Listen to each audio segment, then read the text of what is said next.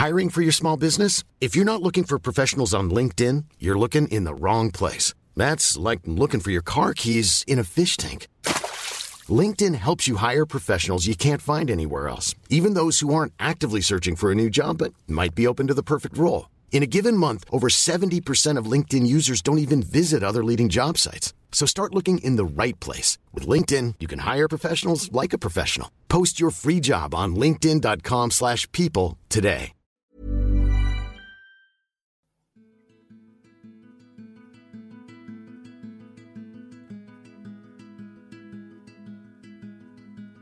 Hej och välkomna till podden Sorgsnack med Lea och Jenny.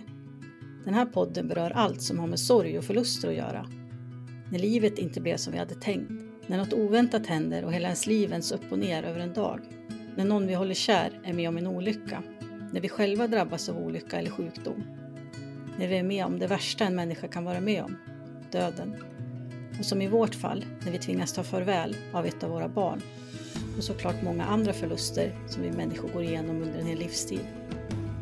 Vad är sorg och sorgbearbetning egentligen? Vi kommer gästas av kända och okända personer som kommer dela med sig av sina berättelser och som möter sörjande i sin profession. Vi kommer att diskutera hur vi människor reagerar och agerar vid olika förluster och kriser och hur samhället bemöter människor i sorg. Vi vill med den här podden göra så att fler människor ska våga öppna sig och våga prata mer om sorg och de känslor man bär på. Vi hoppas att detta ska hjälpa andra personer i liknande situationer och vi hoppas att du vill hänga med oss genom vår resa. Varmt välkomna till ett nytt avsnitt av Sorgsnack med Lia och Jenny. Idag så gästas vi av Sara Färm Lögdal hon förlorade sin pappa Staffan efter sviterna av en hjärntumör i augusti 2014. Hej Sara! Hej hej! Hej hej! Välkommen till oss och till podden. Tack så jättemycket. Skulle du vilja börja med att berätta för oss om din pappas historia? Eh, absolut. Eh, pappa eh, var ju ganska ung. Han var 22 när jag föddes. Eh, mamma var 21. Eh, och ehm, de förlora ett barn ganska exakt 11 månader innan jag föddes, en liten pojke sent i graviditeten. Sen hände samma sak när jag var ja, 4-5 tror jag. Eh, då förlorade de en liten flicka. Eh, och det tror jag påverkar ja, båda mina föräldrar, men pappa allra mest tror jag. Så det jag kommer ihåg om pappa när jag växte upp, det var att han var eh, mycket arg, mycket sorgsen. Det var, alltså, sorg var ju ingenting man pratade om på den tiden. Det här var ju mitten på 80-talet.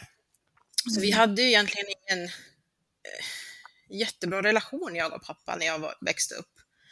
Jag hade en väldig respekt för honom och eh, jag var ganska hårt hållen. Jag var ju enda barnet med två döda syskon, så det är klart att de var lite överbeskyddande som tonåren, jag vet, vi bråkade mycket. Jag tror att det har mycket att göra med att eh, vi var ganska lika han och jag, ganska hetsigt humör och så ville man kanske revoltera lite och, och sådär. Så att eh, vi hade in, ingen bra relation skulle jag säga när jag växte upp.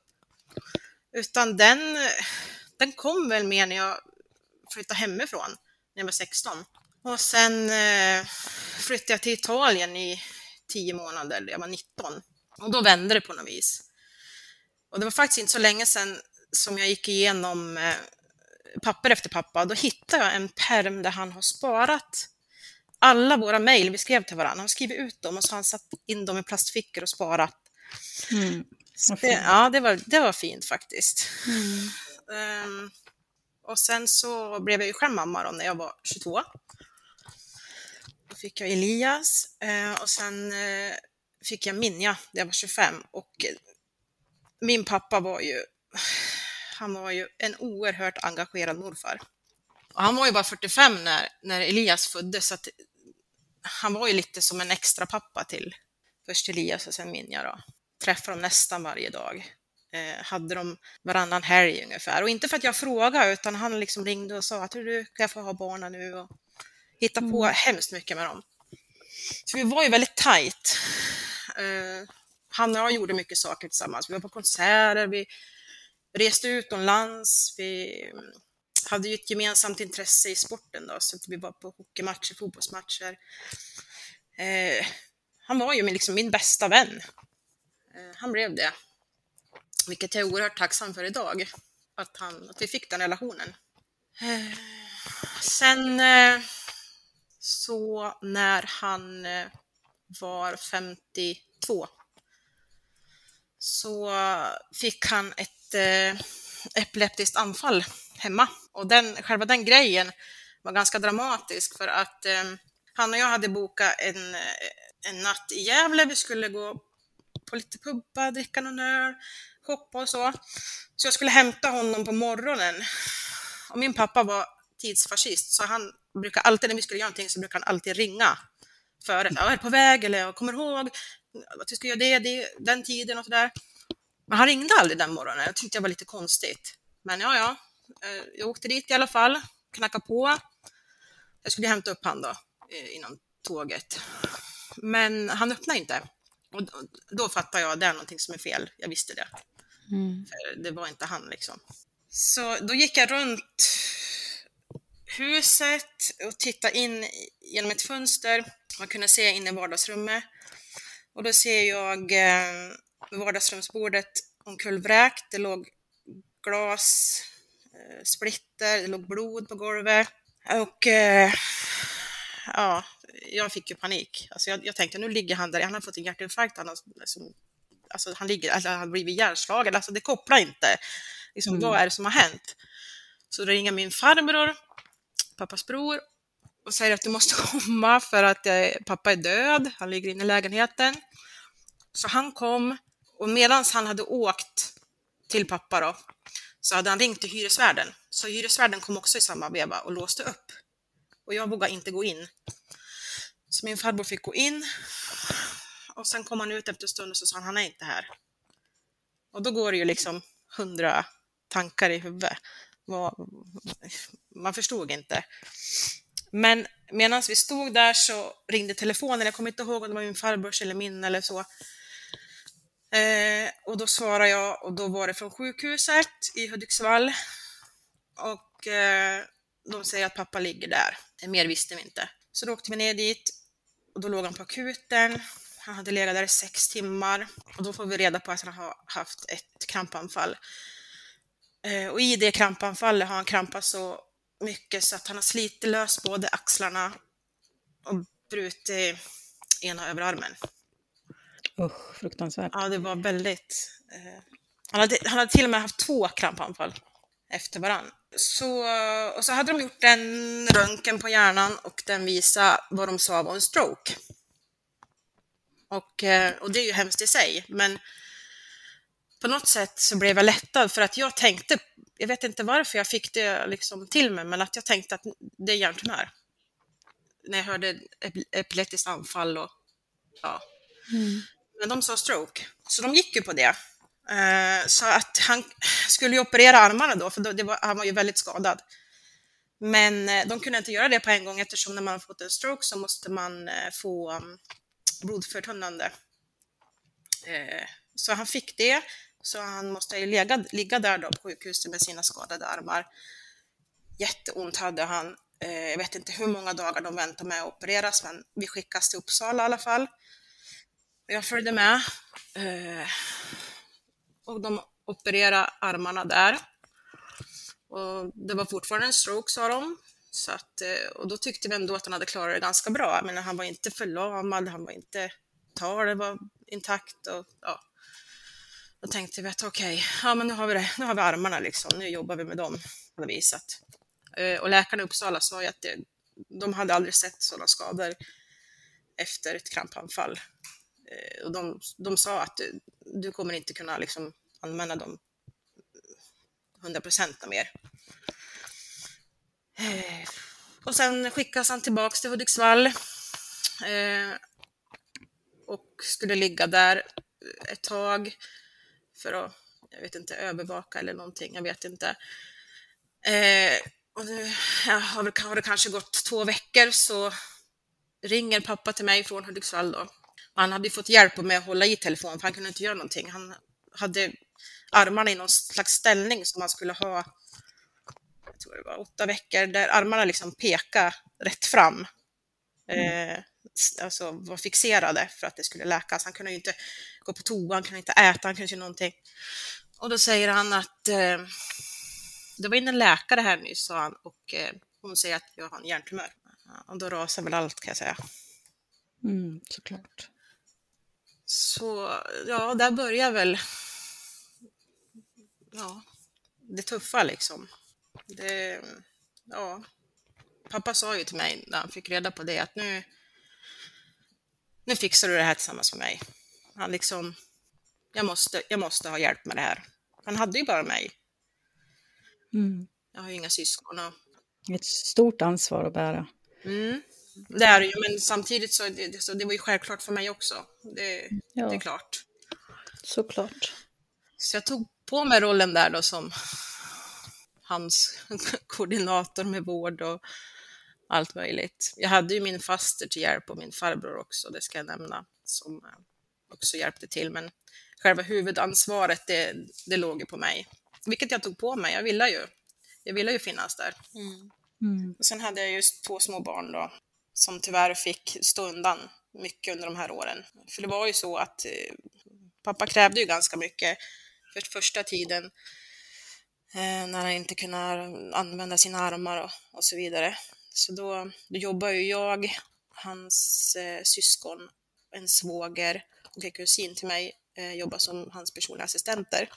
Och sen, eh, det var ju mycket mm, det hände massa saker. Han fick ju till eh, epileptiskt anfall och vart inlagd. Och, ja, det, det var mycket. Eh, man var ju på helspänn hela tiden.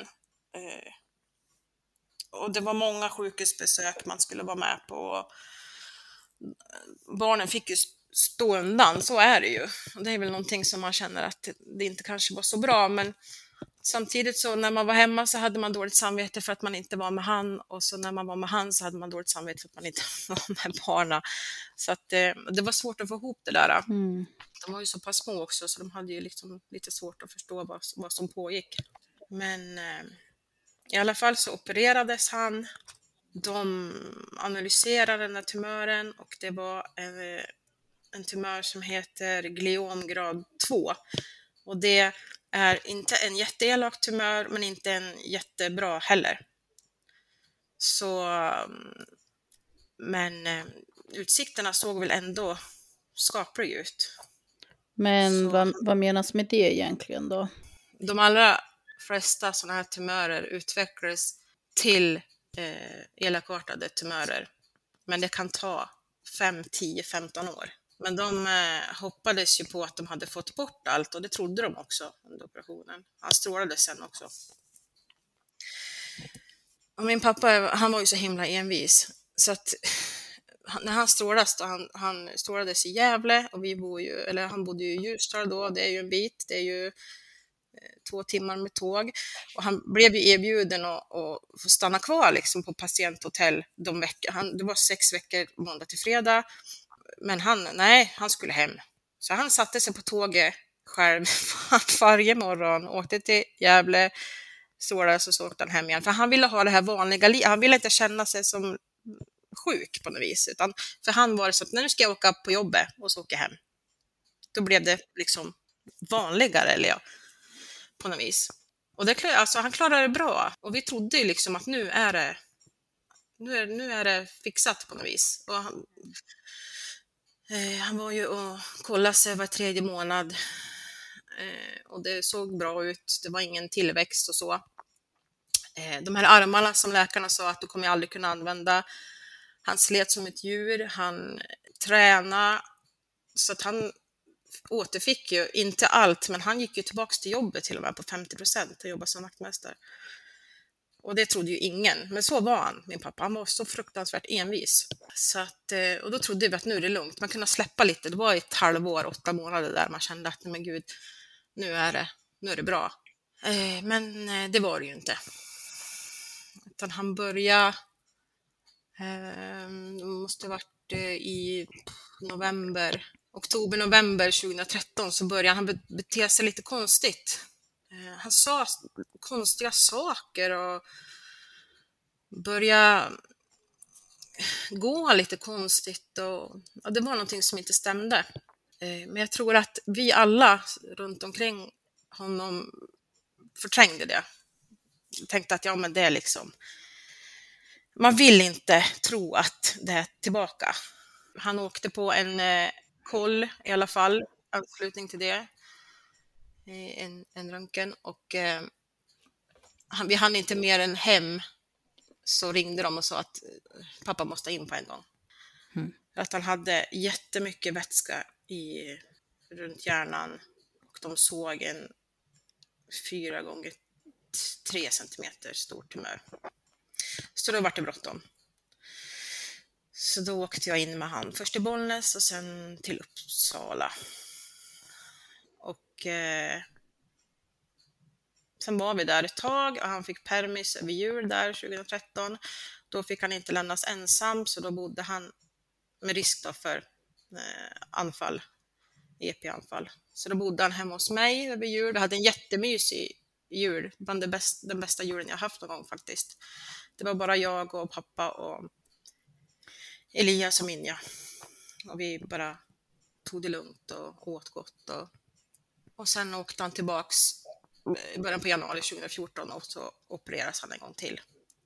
Och under den här operationen så tog de en liten bit av tumören och så gjorde de en sån här snabb eh, analys på den för att se vad det var för typ. Eh, så att eh, läkaren kom ut och sa eh, under operationen att eh, nej, vi hittar ingen, ingen cancer i tumören, utan vi tror att det är någonting som heter nekros. Det är, någonting, det är en skada man kan få efter man har blivit strålad. Mm. Så då slappnade vi av och tänkte att oj, nej men, vad bra. Vi gick till och med ut och firade. Pappas eh, vän Tina var med då i Uppsala och då gick vi ut och firade och, och så. Eh, och pappa kom jag berättade för pappa precis, alltså alls när han hade vaknat så berättade jag för honom att du, det är inte cancer. Och han, alltså, han grät och jag grät och ja, Ja, han fick åka hem. Sen fyllde han eh, 55 den 23 januari. Och då ville han ut och äta med de närmaste, så det var, det var min familj och så var det hans syskon med familjer.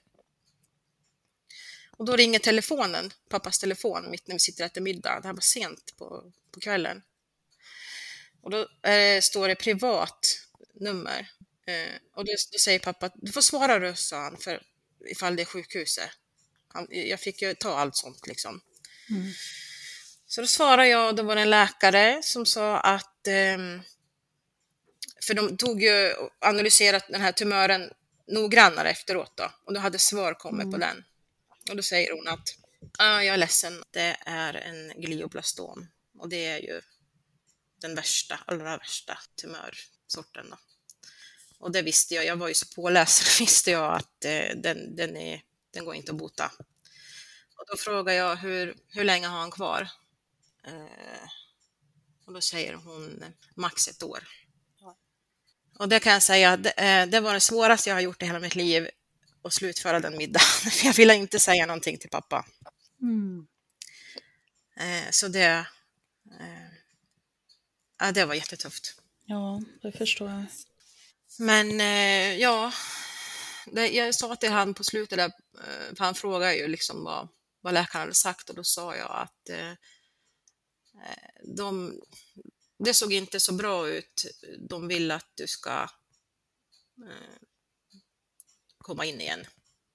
För läkaren sa till mig att man kan göra det att ge cellgifter som bromsar förloppet. Mm.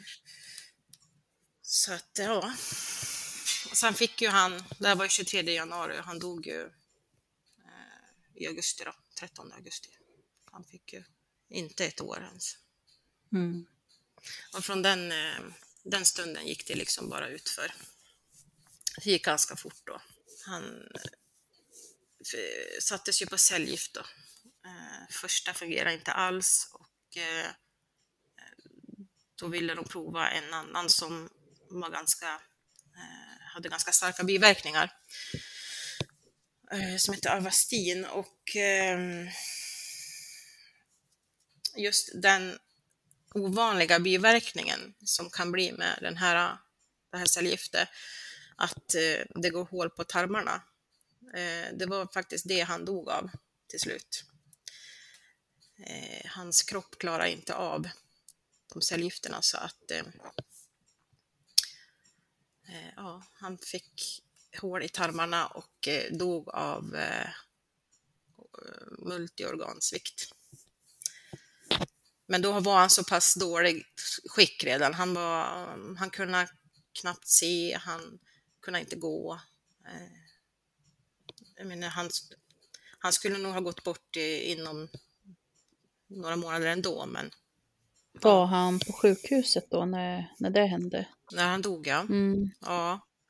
De tog in honom för att de trodde att det var gallan först, för han fick ju problem med magen då, väldiga smärtor. Så då tog de in honom och opererade han för gallan. Eh, men sen så upptäckte de då efter några dagar att det var ju inte gallan utan det var ju tarmarna. Så han låg två veckor på sjukhuset. Och eh, jag var ju där och sov över och eh, hans syskon sov över. Jag tror min mamma, ja, min mamma sov över någon natt också. Han, han var aldrig själv. Han hade alltid någon där. Så det känns skönt att han inte var... Han hatar ju sjukhus. Så att, eh, ja. Jag hade ju velat att han skulle ha fått gå bort hemma, men eh, ja, det blev det inte så. Men det blev, blev bra ändå, på något vis. Ja, det måste kännas skönt att han ändå hade någon hos Ja. sig hela tiden. Det hade han. Och det gick ju relativt fort där på slutet. Eh, De ringde mig och sa, vi hade sovit där och så hade min faster eh, bytt av mig då- på morgonen. Eller hur det nu var, jag kommer inte ihåg. Men de ringde mig i alla fall för jag skulle hem och, och byta om och träffa barn och sådär. Då ringde läkaren till mig och sa att eh, nu sätter vi ut alla åtgärder liksom. Nu, nu ger vi bara smärtlindring. För de hade ju ändå försökt liksom. Och, och då frågade jag om de tyckte att jag skulle komma ner. Ja, men det väl inte bråttom. Jag kände på mig ändå att jo, jag åker ner. Jag kom ner vid 12 och han dog vid 2. Så att det gick ju jättefort så. Mm. Skönt att du hann ner och att du verkligen kände på Ja, dig det där och åkte Det ändå. var jätteskönt. Men ändå så var det som en chock liksom att han dog. Jag vet inte. Jag visste ju på något vis att han skulle dö, men sen man, man är ju aldrig beredd på det. Nej, Nej. såklart. Det går ju inte att förbereda sig för det ändå, även om man vet att en person är sjuk. Nej. Men på ett sätt var det ju en, en lättnad. För nu, alltså det är ju som det är att se någon, för, mi- någon så frisk, så stark. För min pappa, han var ju verkligen, han, var ju, han gick ju på gym och han löptränade och han var ju jättebra skick liksom före skick, det låter som att jag pratar om någon vara, men ja, ni förstår, jag menar att han var ju och så ser man honom ja, men, till att inte kunna gå och inte kunna... Jag tror han vägde 55 kilo när han gick bort. Liksom. Och just det tror jag jag har haft svårast med att att acceptera, att han fick plågas så mycket. Mm. Men eh, ja, Ja, han hade då förändrats ganska mycket då, med andra ord. ja det, gick, det gick knappt att känna igen. Men det var också en sak som jag tycker är ganska fascinerande. Han, pappa var ju väldigt mån om sitt utseende och han såg ju väldigt ung ut. Och han var väldigt fåfäng på gränsen till att det var nästan lite löjligt ibland, tyckte jag. Liksom. Och han skulle jämt ha snygga kläder och skor. Jag vet inte hur många skor jag tog reda på efter han, när han dog. Alltså 30-40 par sneakers liksom. Väldigt noga. Men, men när han fick reda på det här sista ja, med beskedet, liksom att, eller när han kände på sig att nu, han släppte allt. Han brydde sig inte. Det var som, han, han var ju helt besatt i att städa också. Det skulle vara snyggt och rent. Det fick inte vara en enda, ett enda dammkorn. Eh, som de var i hela sitt liv.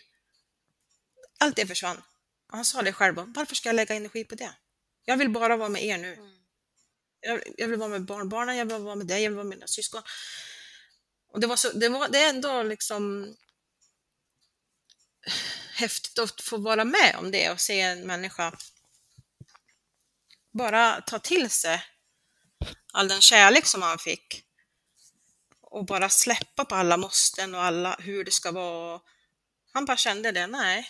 Han insåg liksom vad som var viktigt. Mm. Och det är väl lite det jag har tagit med mig också, att jag försöker tänka på det, även fast det, det är svårt att göra det i vardagen. Liksom. Men, Det blir ju på något sätt ja, men, som en Mm. gåva till dig också, tänker jag. och sen en sån sak som min pappa, han, eh, han sa ju aldrig att han älskar mig när jag växte upp, eller han hade väldigt svårt med känslor, väldigt svårt med kramar. Det är så jag har vuxit upp. Eh, men, men när han blev då så här sjuk, helt plötsligt skulle jag han ju överösa en med pussar till och med. Jag kommer ihåg att jag tyckte det var så obekvämt. Men vad gör du för någonting? Men för han liksom helt... Eh, jag vet inte, det var någonting som hände inom han som jag tyckte var ganska fascinerande att se faktiskt. Han vart som en annan, en mycket mjukare, eh, finare människa. Alltså finare människa, men ni förstår vad jag menar. Mm.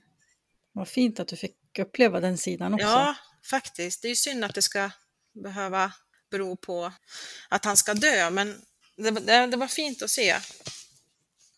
Och sen, och sen så, vi pratade ju, jag berättade om de här barnen som föddes i början.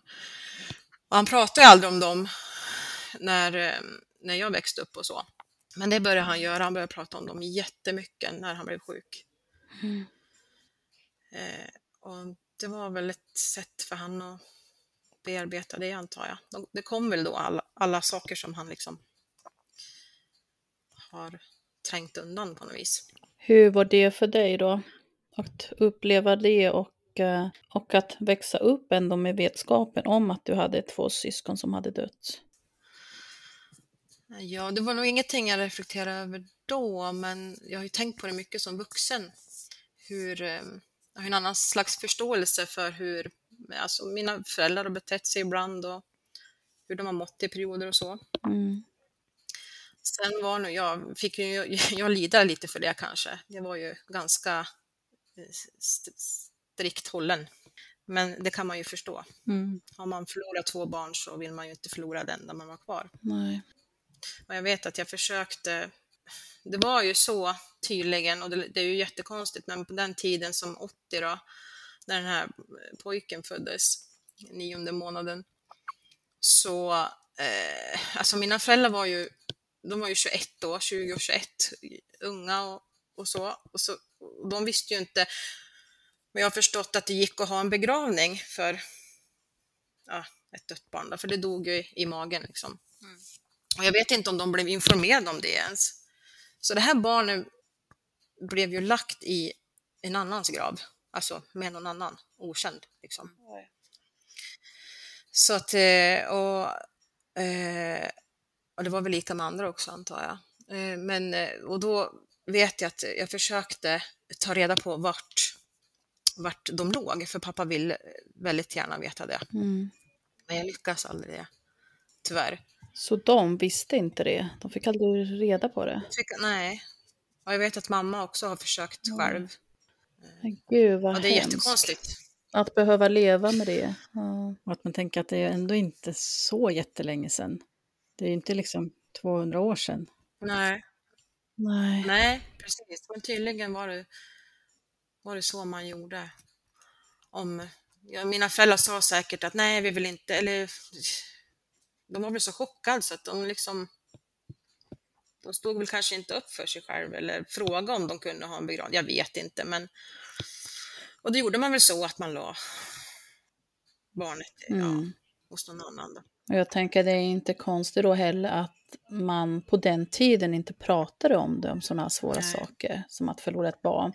När man inte ens fick chansen liksom att, eh, ja, men som du säger, hålla en begravning eller bara få vara, att det barnet får vara en del av ens precis. liv.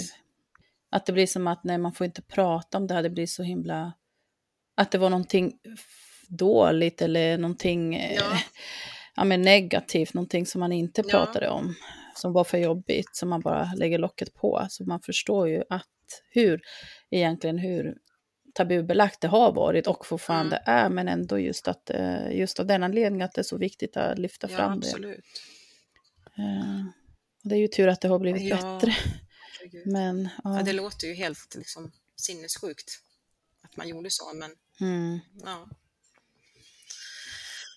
För jag tänker, när man inte ens får ha liksom ett avslut, då blir det ju svårt att bearbeta det. Nej, men det tror jag, det, det var ju inte bearbetat alls, varken från Nej, hans Ja, sida eller precis. min mammas sida. Hur ska man kunna bearbeta det som du säger om man inte liksom Mm. ens har en grav att gå till? Det, nej. Så det var mycket sånt som kom fram när, när han blev sjuk, när han visste själv att, att han skulle dö. Och det var Mm. säkert jättebra för honom, eller det var bra för honom tror jag. Mm. Och jag fick ju reda på grejer som inte jag hade någon aning om. Liksom. Mm. Vi pratar, vi pratar ganska mycket. Mm, eller rätt så mycket. eh, Mest hela tiden vi pratar på slutet i alla fall om känslor och han bad om ursäkt om grejer i uppväxten. Han hade gjort fel och ehm, så det kändes ändå ganska avslutat när han dog. Vi hade, vi hade nog pratat om allt, tror jag. Det kändes, ja, det kändes bra på det viset. Mm, förstår jag. Men har du något sådär, liksom det, ett, något bästa minne med din pappa, sådär som du ofta återkommer till själv? Jag har många bra minnen med han, men ett roligt minne faktiskt när han, men då var han ju sjuk, men jag brukar tänka på det rätt ofta när han var, när jag jobbade som personlig assistent åt han och när han gick med de här armarna rakt fram och inte ku- kunde göra någonting. Och så han som var så noga med städning och så vidare, han kunde ju inte göra någonting. Och jag vet att han tyckte att vi som jobbade där var värdelösa på att städa. Han gick omkring och muttrade. Och... Så det enda han kunde ha på sig det var en sjukhusrock, för han hade inga kläder som passade in i den här ställningen han hade. Så han, Mm. han gick där i sin sjukhusrock med armarna rakt fram. Och så gick han förbi spisen och så stannade han där och så började han stampa i golvet som en treåring. Och så, och så skriker han Tänk att ingen jävel kan torka spisen ordentligt. Och då blir jag arg, så då tar jag diktrasan och så kastar jag den på han och så säger jag så här, gör det själv. Ja, men din idiot. Och sen går jag ut och sen får jag dåligt samvete efter cirka 30 sekunder så går jag in igen och då står ju han och skrattar. Och då skrattar jag också, för det, hela situationen var så liksom, absurd. Sen, men sen var, sen var han otroligt rolig att vara med när han var på det humöret. Han var eh, otroligt lättsam. Eh, ja, rolig. Han, man, man mådde bra när man var med han. När han var på det humöret, för han kunde ha, ha ett fruktansvärt humör också. Och sur och grinig och... Ja. Men när han var på bra humör, då var han jätterolig. Och sen såklart alla minnen han har skapat med mina barn som jag fick vara med Mm. om. Han var ju... Hur gamla var de när, när han gick bort? De var 10 och 7. Mm, men då har ju de många minnen kvar, tänker jag. Ja, Elias, han som äldst, han har nog mest minnen. Mm, Och det är jag ju glad för.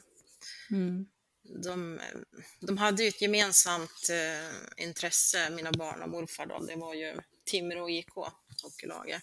Mm. Så de åkte på mycket hockeymatcher och sådär.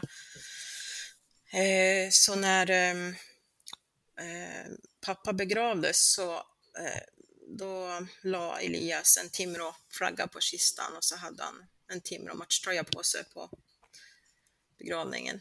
Så det tyckte jag var lite fint faktiskt. mm, jättefint. Jag förstår ju att det har varit en otroligt tuff tid för dig och att eh, det är men både mycket stress och, och traumatiskt också. Men har du, fick du något stöd från vården under den här tiden och efter allt, allt det här som har hänt? Nej, ingenting. Ja, ja, en gång, han blev inskriven i palliativa teamet eh, i Ljusdal och då blev jag erbjuden, det var ju på slutet då, eh, att prata med en eh, psykolog där uppe på Ljusdals sjukhus. Eh, men eh, hon, hon började faktiskt gråta efter jag hade berättat hur vår situation såg ut just då. Så att, och då tänkte jag nej, Det, det kändes liksom jättekonstigt. Ja, ungefär som var- att du, du ska ta hand om hennes, liksom, Ja, hennes sorg. Ja. Men sen är det ju så en liten det är ort så att hon kände ju till han lite grann och visste vem han var och sådär. Och då blir det ju aldrig riktigt bra tror jag. Nej. Så att, eh, nej, det är väl enda gången Mm. tror jag. Ja. Hur har du annars gjort då för att bearbeta allt det här som du har gått igenom? Vad har hjälpt dig? Ja, I början var det att jobba. Då jobbade jag extremt mycket faktiskt. Eh, bara för att fly. Och det upptäckte jag ju efter ett tag att det funkar ju inte riktigt. Men jag har skrivit mycket. Eh, skriver ner mycket om pappa och, och minnen och så. Sen, eh, sen har jag ju inte så många att prata, om, eller prata med om pappa som förstår hur det är. Jag har ju inga syskon eller min mamma och jag, vi har ju inte inte den relationen kanske som man skulle önska.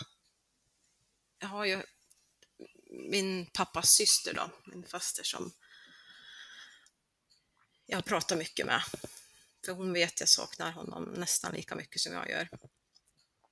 Men annars så har jag liksom inte någon direkt som, som kan förstå. Sen har man ju alltid fått höra det här, ja men du är så stark, du har varit så stark. Ungefär som de tror att man ja, har klarat av det bra. Men Mm. Men vad hade, vad hade du för val? Det, ja, vad är alternativet då? Mm. Man har ju liksom inget alternativ som det känns. Nej, Man är inte stark. Alltså, man har inget val. nej.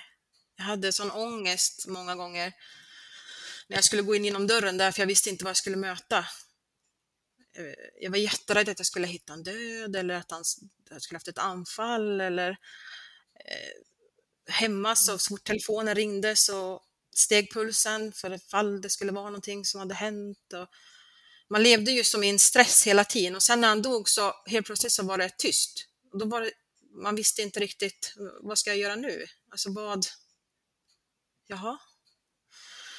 Så att det, det, var lite jobbigt faktiskt. ja, det måste ju ha blivit en Mm. otrolig liksom, tomhet. Mm. Och sen liksom, det var som att eh, alla bara förväntade sig att när det har gått ett tag att ja men nu så, nu är det bra. Mm. Och sen har jag fått höra att ja men det var ju bara din pappa eller tänk om det hade varit ja, men, Mhm. sådär. Ja, Så trött man blir på sånt. ja, ja. Ja, men kommentarer. Så här onödiga Ja. kommentarer som inte tillför någonting överhuvudtaget. Mm. ja men så är det ju. Det Varje är så sorg trist är att ju, det ska vara så. ja, Mm. varje sorg är ju individuell och man kan inte jämföra sorger. Nej. Nej, det ska man inte. Nej, absolut inte. För det du har varit med om är ju det värsta för dig. Och det kan ju ingen ta ifrån dig. Eller det ju. värdera på något sätt. Nej. Hur hade du önskat att folk skulle bemöta dig i din sorg? Eh, Menar du nu eller när det hade hänt? Ja, båda och. Ja, nu skulle jag önska att någon kanske bara prata om pappa någon gång.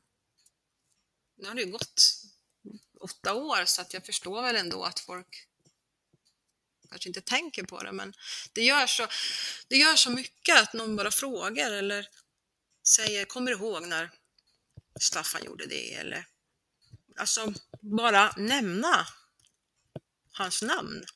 Mm. Eller att någon är på graven och sätter en blomma. För det är ju, det är ju det är jag som är dit. Liksom. Hans syster kanske någon gång ibland. Men din, du berättade i början att din farbror också var med och Mm.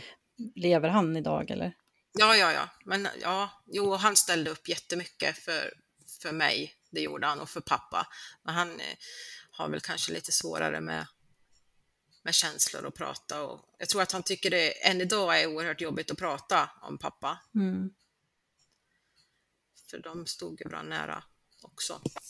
Så att, eh, ja. Och det får man ju respektera. Som jag sa förut, varje sorg är ju Mm. individuell liksom.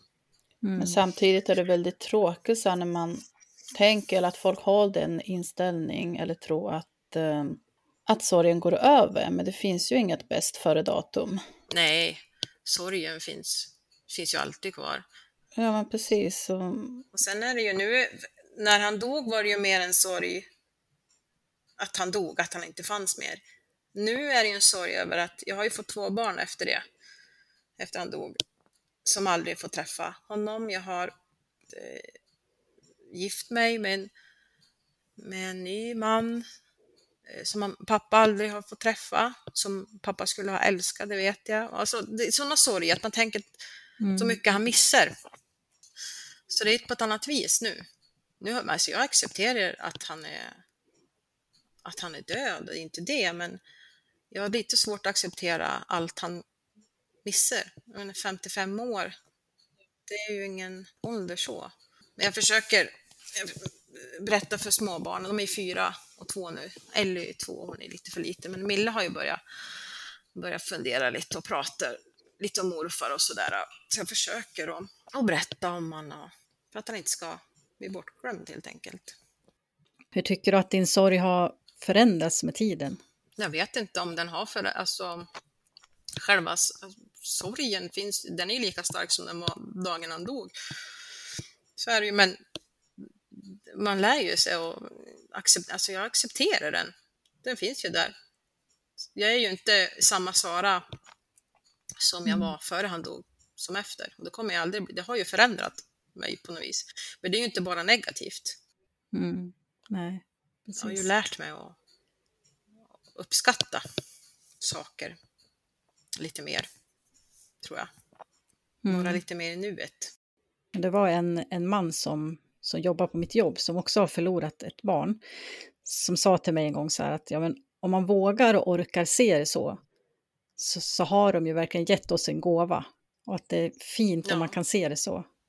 Och så ser man det ju inte i början, men, men det kommer ju. Det är ju tiden som Mm. får göra sitt. Men saknaden blir ju inte mindre med Nej. tiden. Det blir det ju inte. De är ju fortfarande lika mycket borta. Ja, precis. Och där är det här när folk försvinner när någon dör. Som till exempel, ja men, vet inte om, ni har väl tagit upp det förut, det var någon gäst som sa det, eller kanske var du Lea, eller det med folk som eh, kanske går på andra sidan gatan när man möter dem, eller, och jag vet, mm. Och det är ju jättevanligt tyvärr. Ja, pappas, eh, en av pappas bästa kompisar som han bodde i samma eh, hus som eh, kom inte ens på begravningen. Alltså sådana där grejer, vad är folk rädda för? Mm. Men det, då är ju er, ert program och andra, ja men som Utan dig och så, är bra Mm. tycker jag att det finns för att vi måste prata om det mer. Mm. Det, är inget, det är inget onaturligt med sorg. Nej, precis. Och vi kommer ju alla få uppleva det på något sätt, liksom förr eller senare, att vi förlorar en älskad person eller flera stycken. Mm. Eller, så det är ju livets gång. Eh, och det är också någonting jag reagerar jättestarkt på, för jag har ju själv fått en sån kommentar av någon som ändå väldigt nära oss, mig och min man. Och den här personen uttryckte det som att eh, jag tycker inte om att gå på begravning. Eh, och det är också lite så, man vet inte om man ska skratta eller gråta, men alltså eller hur hur? tror du då att vi känner oss? Nej. Det är ingen som vill gå på en begravning. Det är ju inte därför man bjuder dit folk, för att det är någonting liksom kul. roligt, eller? Nej, visst. precis. Ja, Nej. nej. Jag kan tänka mig att ni ändå också har upplevt det som har förlorat ett barn. För det är ju ännu mer jobbigt och känsligt. Jag kan tänka mig att folk inte vet hur de ska, vad de, alltså att de undviker. Ja, Mm. ja, men det är lite så att de tror att det smittas nästan. ja, jag kan tänka mig det. Eller att de är rädda för att ni ska bryta ihop eller Mm. De är rädda för att såra oss för att de råkar påminna oss om det Ja. vi har varit med om. Lite så Ja, också. precis. Mm. Men ni glömmer ju inte det. Alltså, det har ju ni med er jämt, eller hur? Jag tänker på honom varje dag, Mm. flera gånger om dagen. Ja, Även fyra Ja. år senare nu. Ja, det Ja. tror jag nu Jenny kan hålla med om. Ja, absolut. Felix är ju med mig ja, men nästan hela tiden. Så Mm. det är flera, flera gånger om, Mm. om dagen. jag brukar ju lägga ut på sociala medier lite då och då, även idag, åtta år senare, eh, ja, men bild på en pappa eller skriva någonting. Och då vet jag att folk en del folk stör sig på. Mm. De blir, obekväma. Liksom. Ja. Vad skriver de? Eller vad säger de? Jag har fått någon kommentar. Men det har ju gått så länge nu, eller Har du inte kommit vidare än? eller? ungefär så. Har du inte kommit vidare? Jo, men det har jag fått hört. Jo, men det handlar inte om det. Jag tror att det var till dig jag skrev, Jenny, att Mm. om inte jag pratar om honom, vem ska då göra det? Nej, såklart. Nej. Jag vill ju inte att han ska bli bortglömd. Så för mig är det ett sätt för att hå- hålla han levande, men det förstår inte folk. Folk tror att jag går omkring och har sorg 24 Mm. timmar om det, vilket man har kanske innerst inne, men ni förstår vad jag menar. Det är inte det det handlar om. Ja, och som jag brukar säga, bara för att han är död så slutar han ju egentligen inte vara din pappa. Eller han gör ju inte det, han kommer ju alltid vara din pappa. Ja, det är klart. Mm. Och det är ju en älskad person och den kärleken försvinner ju inte. Så enkelt är det ju. Ja, precis. Men ja, det är någonting i det som, som folk stör sig på, tror jag. De tror att man eh, är helt eh, nedbruten och, och knäckt bara för att man har ett behov av eh, att komma ihåg någon, vilket är jättemärkligt för mig. Så det hoppas jag att folk tänker på, Mm. faktiskt. Ja, det hoppas vi också. Det är lite det också dels som vi försöker nå fram eh, med våra budskap. Och Ja, ja jättebra. Att sprida lite kunskap om Ja. det. Ja, det tycker jag är jättebra. Det behövs. Ja, tack för att du ville gästa oss, Sara. Ja, men tack så jättemycket själva. Det var jättefint att få höra om din pappa och er historia och vem han var. Och tack för alla dina kloka ord. Mm, tack så jättemycket. Tack så jättemycket för att jag fick vara med. Tack själv. Och till våra lyssnare, ni vet väl att ni kan följa oss på Instagram, Facebook och även nå oss på sorgsnackpodcast@gmail.com. Tack ska ni ha så hörs vi nästa gång. Hej då! Hej då!